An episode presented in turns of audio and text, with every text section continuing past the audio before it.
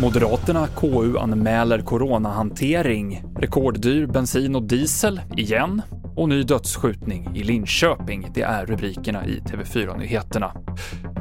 Ja, vi börjar med att berätta att ingen har blivit gripen efter att en man i 35-årsåldern sköts ihjäl utomhus i Ekholmen i södra Linköping vid halv sju-tiden i morse.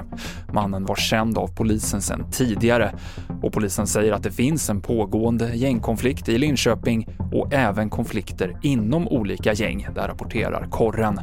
Förra året så sköts sammanlagt fem män till döds i Linköping. Moderaterna KU-anmäler statsministern och regeringen för att ha mörkat coronahanteringen.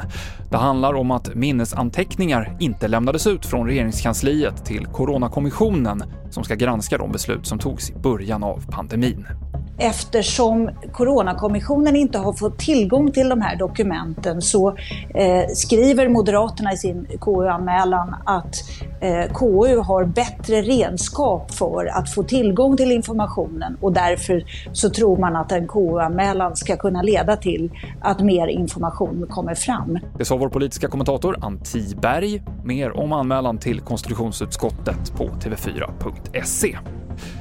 Trots den stora smittspridningen i januari så bör covid-19 inte längre klassas som en samhällsfarlig sjukdom eftersom många nu är immuna och det är få som blir allvarligt sjuka av omikronvarianten av viruset. Det här skriver tre professorer på DN Debatt och de menar att hårda åtgärder och restriktioner i det här läget skadar samhället mer än själva viruset.